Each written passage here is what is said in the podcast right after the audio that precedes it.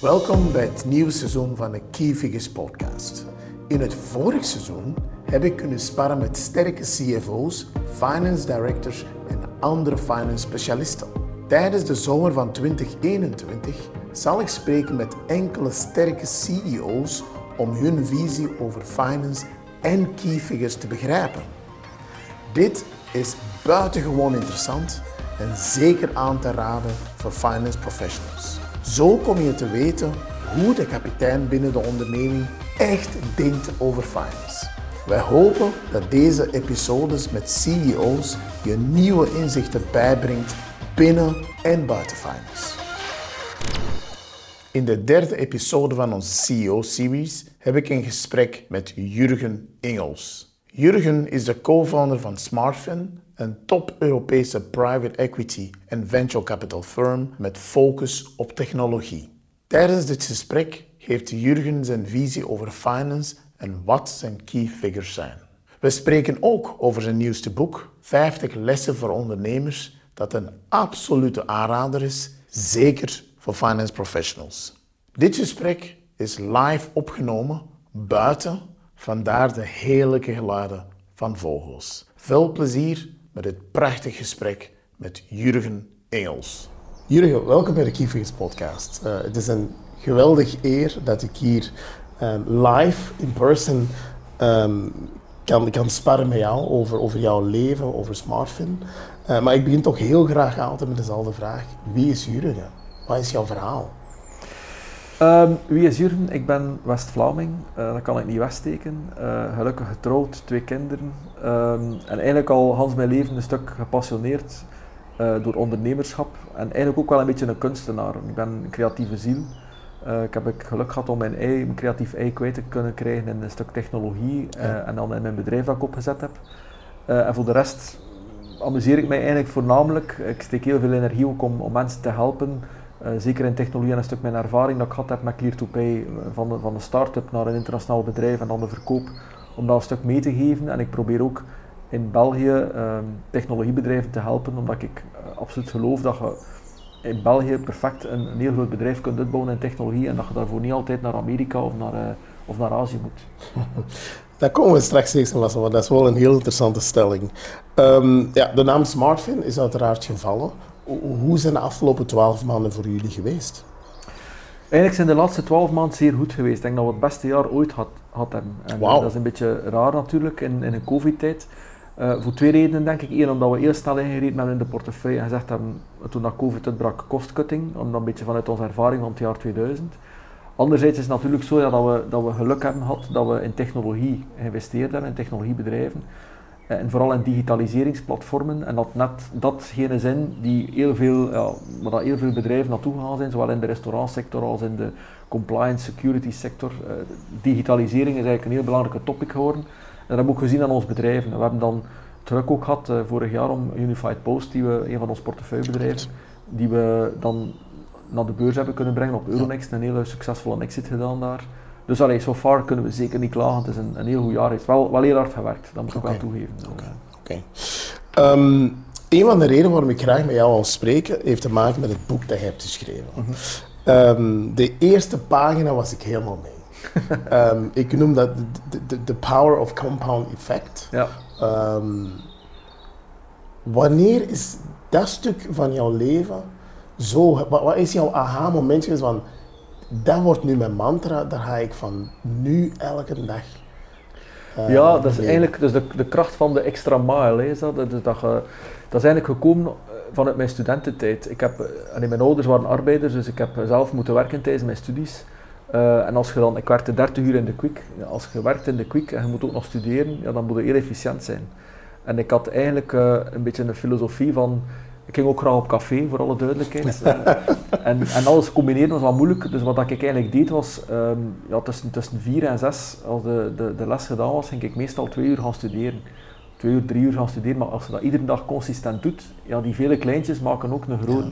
En eigenlijk heb ik dat... Maar van waar komt het? Sorry, ik onderbreek u. Van waar komt het? Ben je dat zelf beginnen doen? Heeft iemand ja, gezegd... Ja, noodzaak. Nee, het was uit noodzaak. Omdat ik ja, moest efficiënt zijn en ik wist, ja, ik moet studeren, maar ik moet ook gaan werken en ik moet dan toch echt tijd vinden, geconcentreerd om, om, uh, en als je, allee, in plaats van een uur hier, een uur daar, als je gewoon iedere dag consistent drie uur studeert, uh, dat deed ik eigenlijk. Dus ik ging, ik ging wel op café om 7 uur, 8 uur zat ik in het café. En iedereen zei, ja, die gaat er nooit door zijn, want die zat altijd op café. Terwijl, maar wat ze niet wisten, was dat ik consequent iedere dag drie uur studeerde. En dus mijn ervaring is een beetje, als je consequent bepaalde dingen doet, dat je gewoon meer tijd hebt om dingen te doen. Ik doe dat vandaag ook nog altijd. Ja. Ik sta heel vaak de, zaterdagmorgen op van 7 tot 12 en dan werk ik 5 uur in de week. Zonder secretaresses, zonder uh, e-mails, zonder uh, gestoord te worden. Als je dat 50 weken doet, 5 uur is 250 uur. Dat is gigantisch. Dat is eigenlijk evenveel als 500 uur, maar je wordt niet gestoord. Klopt. 500 uur, dat is, ja, dat is, dat is twee maanden extra. Ja. En, en die twee maanden kunnen van alles doen. Enorm, enorm. Um, zijn er ondernemers die, die een dergelijke uh, mantra ook uh, gebruiken en ook heel succesvol zijn geweest volgens jou?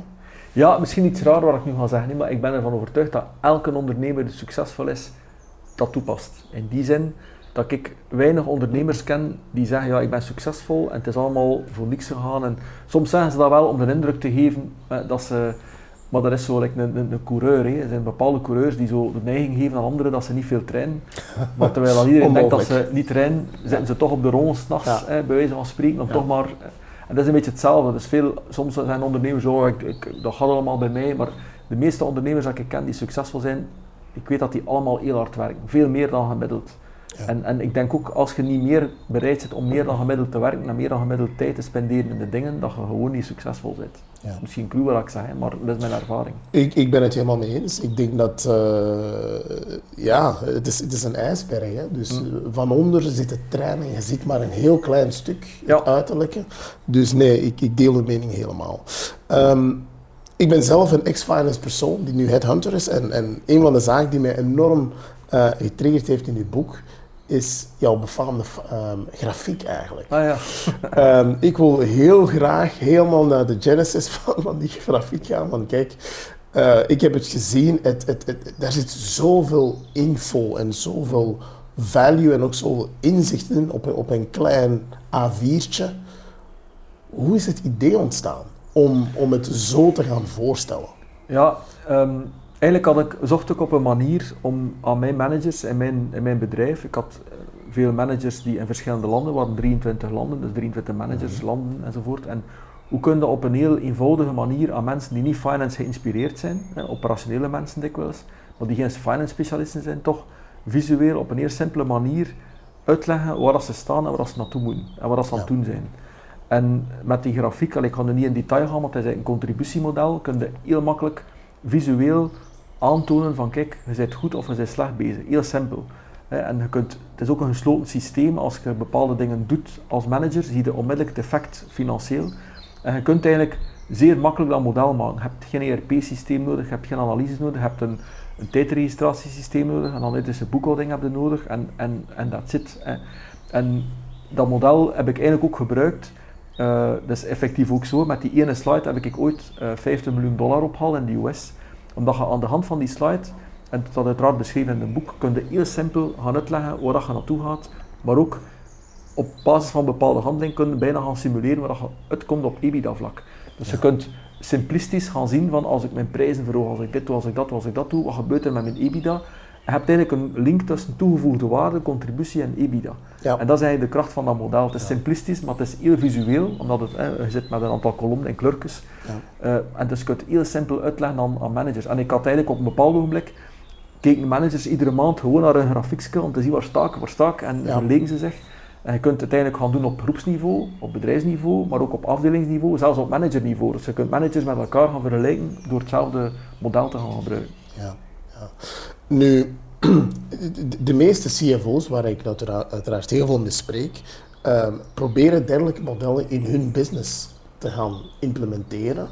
Um, ze worden dikwijls overstelpt door allerlei fancy BI-tools mm. die, die veel te veel informatie op één slide proberen te krijgen.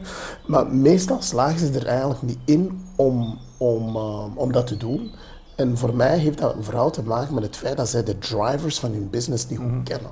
Want als je je drivers heel goed kent, zowel op de drivers van sales, die dan vertaald, zich vertaalden naar, naar, naar gross margin, en als je een heel goed zicht hebt op je fixed cost, dan kan je eigenlijk heel snel van sales naar EBITDA komen. Ja. waarom denk je dat de meeste CFO's daar er niet in slagen om dat zo helder te krijgen? Ja, dat is een, dat is een interessante vraag, maar ik denk twee antwoorden zou ik daarop zeggen. Ehm, vaak is een CFO niet noodzakelijk uh, een operationele manager. Mhm. En ik denk dat de moderne CFO meer en meer uh, een CFO moet zijn die cijfers kent, die boekhouding kent, fine. Maar die ook operations, die echt operational ervaring moet hebben. En die moet begrijpen hoe dat een sales pipe zich omzet in cash, hoe dat, dat gebeurt, hoe, hoe, hoe, dat het effect daarvan is op werkkapitaal. Mhm. Ik stel ook vast dat heel vaak um, ik, in economische richting dat het begrip cashflow en voor Amerikanen is dat redelijk duidelijk, omdat ze daar ook op getriggerd zijn. Ze werken daar veel meer mee, maar in Europa heb, heb, ik toch het gevoel dat cashflow uitleggen aan iemand, of, of gewoon een cashflow statement zien, dat dat heel vaak nog vol met fouten zit. Als het werkkapitaal verkeerd berekenen, ja. dat het toch op een andere manier is. Dus, dus denk, enerzijds die operationele ervaring die ontbreekt soms bij CFO's, omdat de CFO van vandaag nog altijd, of in het verleden toch meer de accounting CFO was, die de boekhouding deed, en dat was Terwijl dan een moderne CFO veel meer operations moet doen, enerzijds. En anderzijds denk ik de kennis van ja, de, de, de link tussen toegevoegde waarde, contributie, cashflow, P&L, balance, hoe dat, dat in elkaar zit. Um, en ik heb ook de indruk dat vaak mensen denken vanuit een P&L of vanuit een balans. Maar er zijn er heel weinig die in slagen om te zien wat het effect is van een, van een P&L op een balans en omgekeerd. Klopt. En, en ik denk dat dat de, dat, dat de factoren zijn. Ja. We gaan nu eigenlijk richting um, de drivers, waar ik net over sprak. Hè. Wat zijn voor jou de drie belangrijkste drivers slash key figures waar een managementteam echt wel op moet sturen? Ongeacht type business eigenlijk. Ja, er zijn, er zijn honderden KPI's waar je kunt naar kijken. Hè. Maar een van de dingen waar ik altijd wel naar kijk is, is uiteraard cashflow. Hè. Gewoon hoeveel cash genereerde en hoeveel cash verbrandde. Want je kunt boekhoudkundig kun je van alle uh, hocus pocus dingen doen op een balans. En je kan volledig balans uh, gaan verbouwen, bij wijze van spreken, terwijl het cash niks, niks verandert, maar je balans ziet er beter uit. Dus dat, dat, dat ben ik, ik ben een hele grote believer van hoeveel cash heb je in het begin van de maand, hoeveel cash heb je op het einde van de maand, heb je geen geld opgehaald, heb je geen belasting of whatever betaald of lening terugbetaald. Ja, het verschil daartussen is je cashflow dat genereert uit je business. Hè. Dus, dus cashflow voor mij is belangrijk. Het tweede punt denk ik is de conversie van je sales pipeline. Uh, in die zin, ik heb, salesmensen zijn altijd optimistisch, en dat moet ook. Maar ik heb ook gezien dat conversie of inschatting van sales en dan conversie naar cash, dat dat heel vaak daar verkeerd loopt. En dat je eigenlijk ziet dat uh, het kost altijd veel meer om de dingen gedaan te krijgen en het duurt altijd veel langer. En dus die factoren, als je daar geen rekening mee houdt in je model of in je uh, finance, kunnen daar ook in de probleem komen. Dus dat is ook wel iets, denk ik, dat ik heel hard naar kijk. En het derde waar ik naar kijk, is gewoon expenses overal. Ik denk, bedrijven hebben vaak nog de neiging om, uh, om, om bijna ik zou bijna zeggen, budget plus te gaan werken. Ze een budget van vorig jaar, ah ja, dan moet het stijgen, ze doen er 4% bij. En dan creëer je eigenlijk uh, afdeling of mentaliteit in je bedrijf dat iedereen maar zijn geld zeker wel opdoen, maar liefst nog meer wil opdoen, omdat hij weet, als ik nu meer opdoe, ga ik volgend jaar nog 4% meer krijgen met mijn kost plus. En dus je, je kost blijft maar stijgen. En terwijl er eigenlijk aan niemand afvraagt, zijn we eigenlijk goed bezig en moeten we niet op een andere manier die kosten allokeren. Ja. Hoe pakt je dat aan? Want nu, nu snij je natuurlijk wel een heel belangrijk punt aan. In best wel wat, wat, wat, grote bedrijven is het echt wel een issue. Dat, ja, je hebt budget van vorig jaar, daar zit ergens een stretch op, uh, al dan niet uh, naar boven of naar beneden. En, en, dat is het eigenlijk. Na heel wat, ik noem dat internal negotiation. Wat lijkt jou de beste manier om daar echt wel naar te kijken, naar die, die, plus, ik, ik, ik, die kost plus voor mij, een jaar is voorbij en het is voorbij. Ja, zero base dan? Ja, gewoon, ik start gewoon opnieuw. En okay. I don't care about last year, hoeveel mensen hebben je, hoeveel omzet hadden draaien, hoe ziet je pipe eruit en op basis daarvan allokeer je kosten. Dus dat kan perfect zijn dat je in een bepaalde afdeling 15% minder hebt of dat je 20% meer hebt in functie van de ambitie en ook de mogelijkheden en, en het resultaat. Ja, ja, ja oké. Okay. Um, ehm, CFO's zijn heel belangrijk. Uh, niet enkel bij, bij startups, bij, bij scales, maar ook gewoon bij, bij mature uh, uh, bedrijven.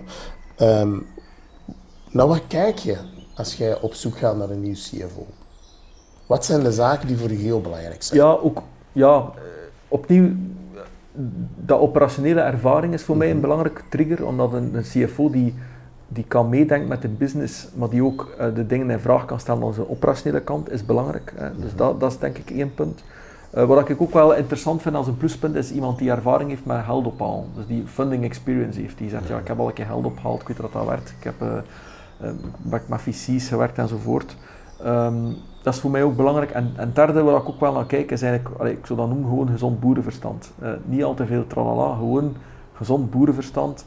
Kijk naar, want het bedrijf is nog altijd, in België is liquiditeit nog altijd belangrijk. Ik ben een heel grote fan van liquiditeit, van cashflow. Maar at the end of the day hadden failliet als je geen cash meer hebt. Absoluut. En bedrijven gaan niet failliet omdat ze rendabel of niet rendabel zijn. Uh, dus gezond boerenverstand om naar je bedrijf te kijken. Simpele matrix, dus geen, geen, geen uh, door het bos de bomen niet meer zien. Hè. Het, mhm. het, heel veel CFO's die zodanig veel informatie geven aan de raad van bestuur. 22.850 slides met allemaal cijfers op. Geen ene bestuurder die nog snapt waarover dat gaat. Ik heb liever een CFO die zegt, kijk, dat zijn de vier KPI's, daar en daar en daar zijn we op vooruit gegaan, daar en daar zijn we achteruit mhm. gegaan. En die, die houden we in de gaten. Dus uh, de simpliciteit.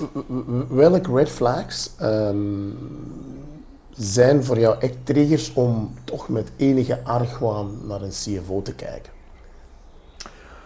Um, dat is een, uh, een interessante vraag. Um, wel, argwaan zeker iemand die, die, die gewoon boekhoudtechnisch uh, niet begrijpt waarover dat gaat. Die, die gewoon, ja, en, en, je kunt dan ermee lachen, maar er zijn er soms die gewoon uh, niet weten waarover, dat, dat, ze dikwijls dingen zeggen die gewoon niet kloppen.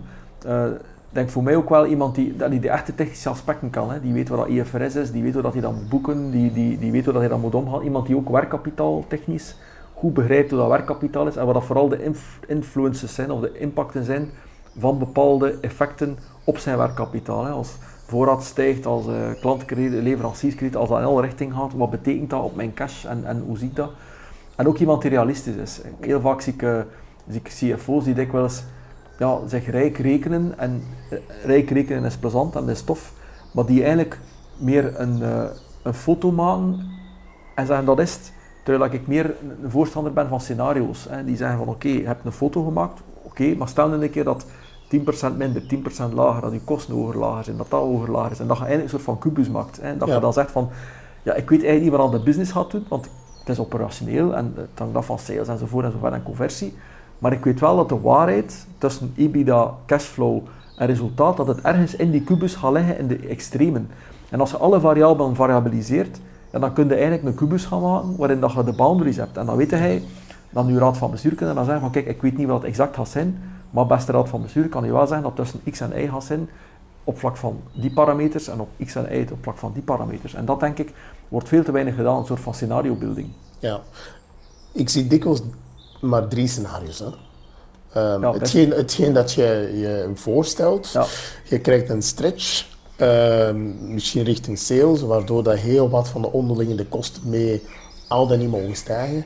En dan de worst case scenario, waarschijnlijk van kijk, stel dat je sales tegenvalt, hoeveel ja, kun je dan besparen in expenses?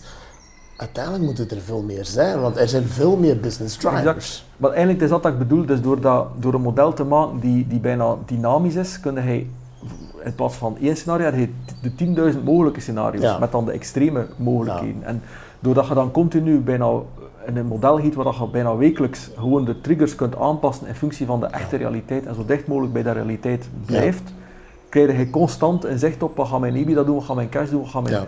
Dus je hebt een veel beter zicht en je hebt een veel betere feeling met je bedrijf ook. Ja, ja, ja.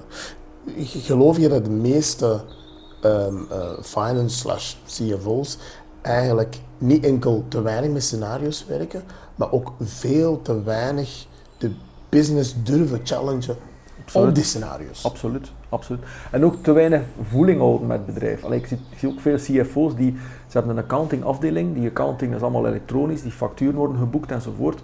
Maar de CFO heeft eigenlijk geen feeling meer of voeling meer met zijn bedrijf. Dus met andere woorden, wat ik altijd doe, nog altijd in de bedrijven waar ik uh, involved ben, is altijd maandelijks zit ik samen uh, met een goed glas wijn en ik kijk naar alle facturen. Ofwel op papier of elektronisch, meestal elektronisch. Doe jij dat nog steeds? Ja, en ik ga elke factuur door om te zien wat is dat, wie heeft dat goedgekeurd, over, over had dat, is dat doorgefactureerd.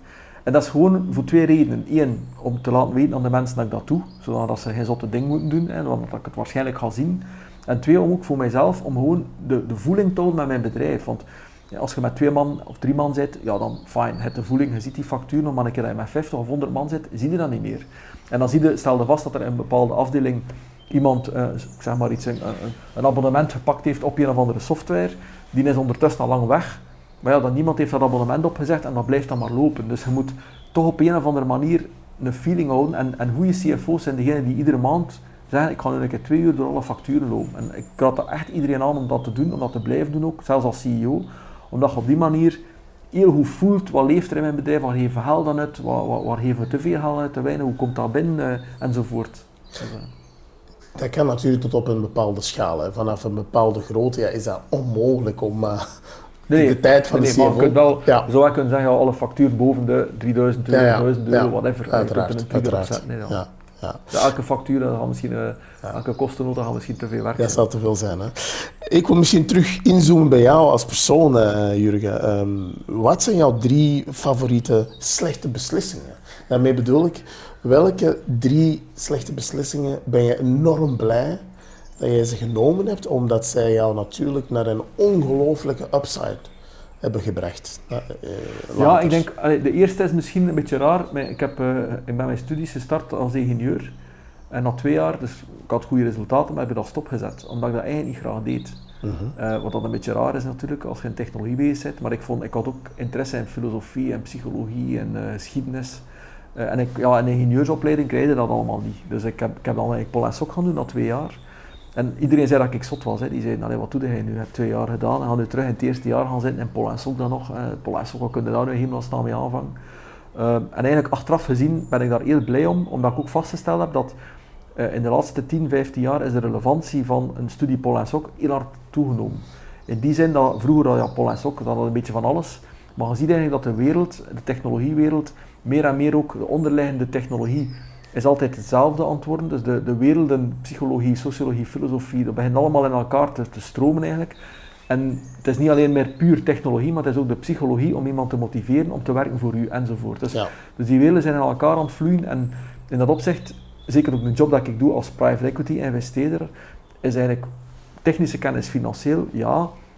Technische kennis in de zin van technologie, ja maar ook heel veel psychologie, want je werkt met teams, je moet mensen motiveren, je moet uh, inschatten, is dat een goede CEO, gaat hij reageren in een crisissituatie. Dus het is veel meer sociologie, psychologie, filosofie, dan, dan dat mensen zich realiseren. Dus voor mijn job is dat eigenlijk een goede combinatie. Dus dat is eigenlijk iets waar ik wel blij om ben dat ik dat gedaan heb. En een tweede ding denk ik in, in mijn carrière waar ik ook wel blij om ben, achteraf gezien dat iedereen ook zei van, zodat we nu wel doen, is dat ik uh, dat Clear verkocht heb. Ik denk als we in 2014 Cleartopij niet moeten verkopen, ging dat waarschijnlijk een pak meer geld gehad hebben uh, met de verkoop vandaag. Omdat Fintech, in 2014 was Fintech nog niet echt Absoluut. great. Ik denk met de, we hadden toen 100 miljoen omzet. Ik denk dat we, dat we zeker uh, 1 of 2 miljard zouden verkocht zijn. We hebben nu verkocht voor 500 miljoen. Je kunt zeggen, ja dat is jammer, want het daar een heel stuk geld laten liggen. Maar aan de andere kant, als ik zie wat ik sinds de verkoop van Clear2Pay allemaal heb kunnen doen, welke bedrijven dat ik geholpen heb, welke technologiebedrijven dat ik opgezet heb in België, maar ook bedrijven geholpen, gefinancierd, beursintroducties gedaan, uh, fantastische dingen kunnen realiseren op die allez, 7, 8 jaar. Ja, dan ben ik daar wel blij om. Dan denk ik van ja, oké, ik, heb toch, ik heb me toch wel geamuseerd ook. Dus, uh, en, en coole dingen gedaan. Ja. Oké, okay. en een derde? Um, een derde, uh, even denken. Dus dat was de eerste is. studie van, van ingenieur naar. Ja. Uh, uh, verkoop van, van Clear to Pay. Uh. Ja, misschien, misschien nog een derde is uh, de, het feit dat ik altijd in de bedrijven heel snel kies voor internationalisering. Okay. In de bedrijven dat ik opzet, de meeste Vlaamse bedrijven gaan altijd eerst proberen succes in Vlaanderen te halen, maar daarvoor, daardoor verliezen ze tijd.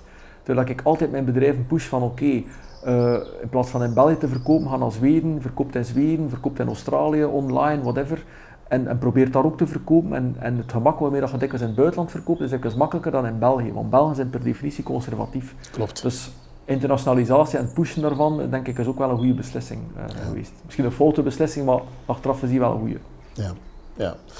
Um, over internationalisering gesproken. Uh, wij zitten natuurlijk in een tijd waar scale-ups uh, het, het, woord scale-up is al een, een, een ding ge, uh, geworden. Uh, dat woord bestond natuurlijk hiervoor al, al, al, langer. Welke fouten zie je scale-ups keer op keer maken zonder dat ze het beseffen? Ja, er zijn heel veel fouten. Hè. En, maar een van de dingen denk ik die, die heel vaak, dat ik heel vaak zie terugkomen is de timing verkeerd inschatten. Gewoon te vroeg of te laat. En dat is, de timing voor mij is een van de moeilijkste factoren als je scaled. Hè. Je moet juist op tijd schalen. Het mocht niet te laat zijn, maar het moet ook niet te vroeg zijn. En ik heb al echt fouten gemaakt in de twee richtingen. Ik heb al uh, bedrijven gefund die, of ook opgezet die, die, die, die, die fantastische technologie, fantastisch idee, maar gewoon tien jaar te vroeg.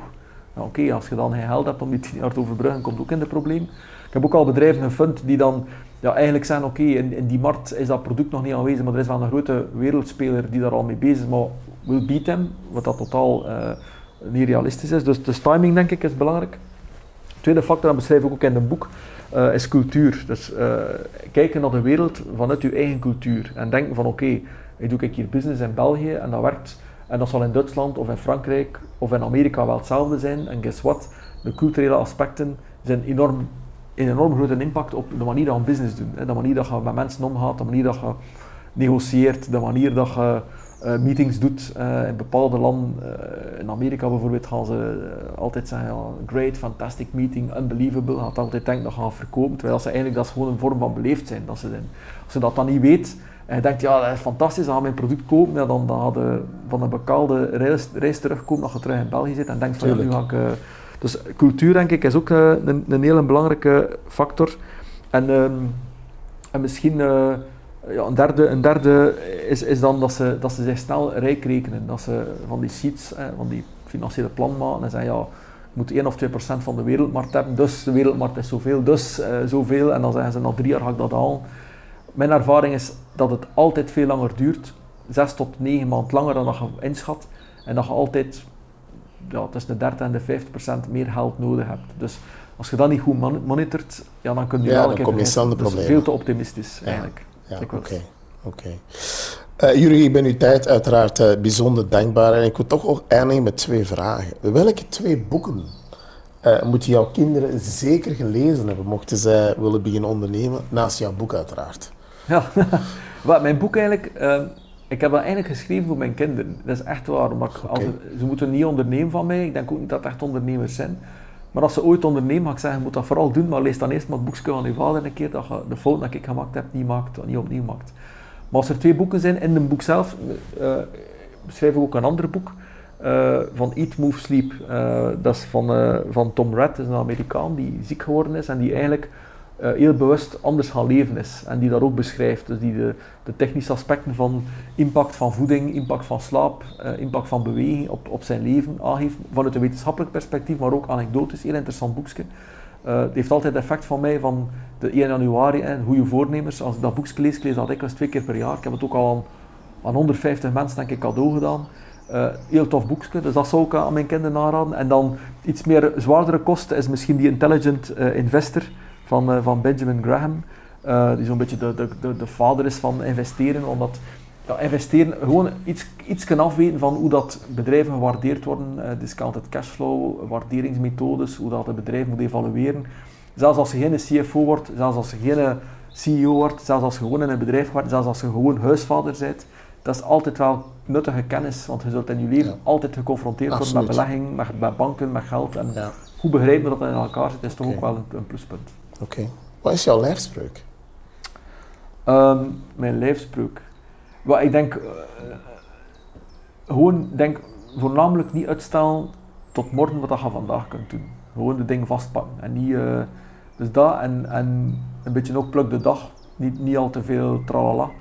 Um, en ook ja, en moeilijk, de moeilijke weg kiezen had vaak ook. Het is niet altijd, mensen altijd, je moet de makkelijkste weg kiezen denk als je de moeilijke, moeilijkste weg kiest of moeilijker weg kiest, is het misschien moeilijker op dat moment zelf. Ja. Maar achteraf heb je, dan, uh, heb je dan wel het voordeel van of plezier Tuurlijk.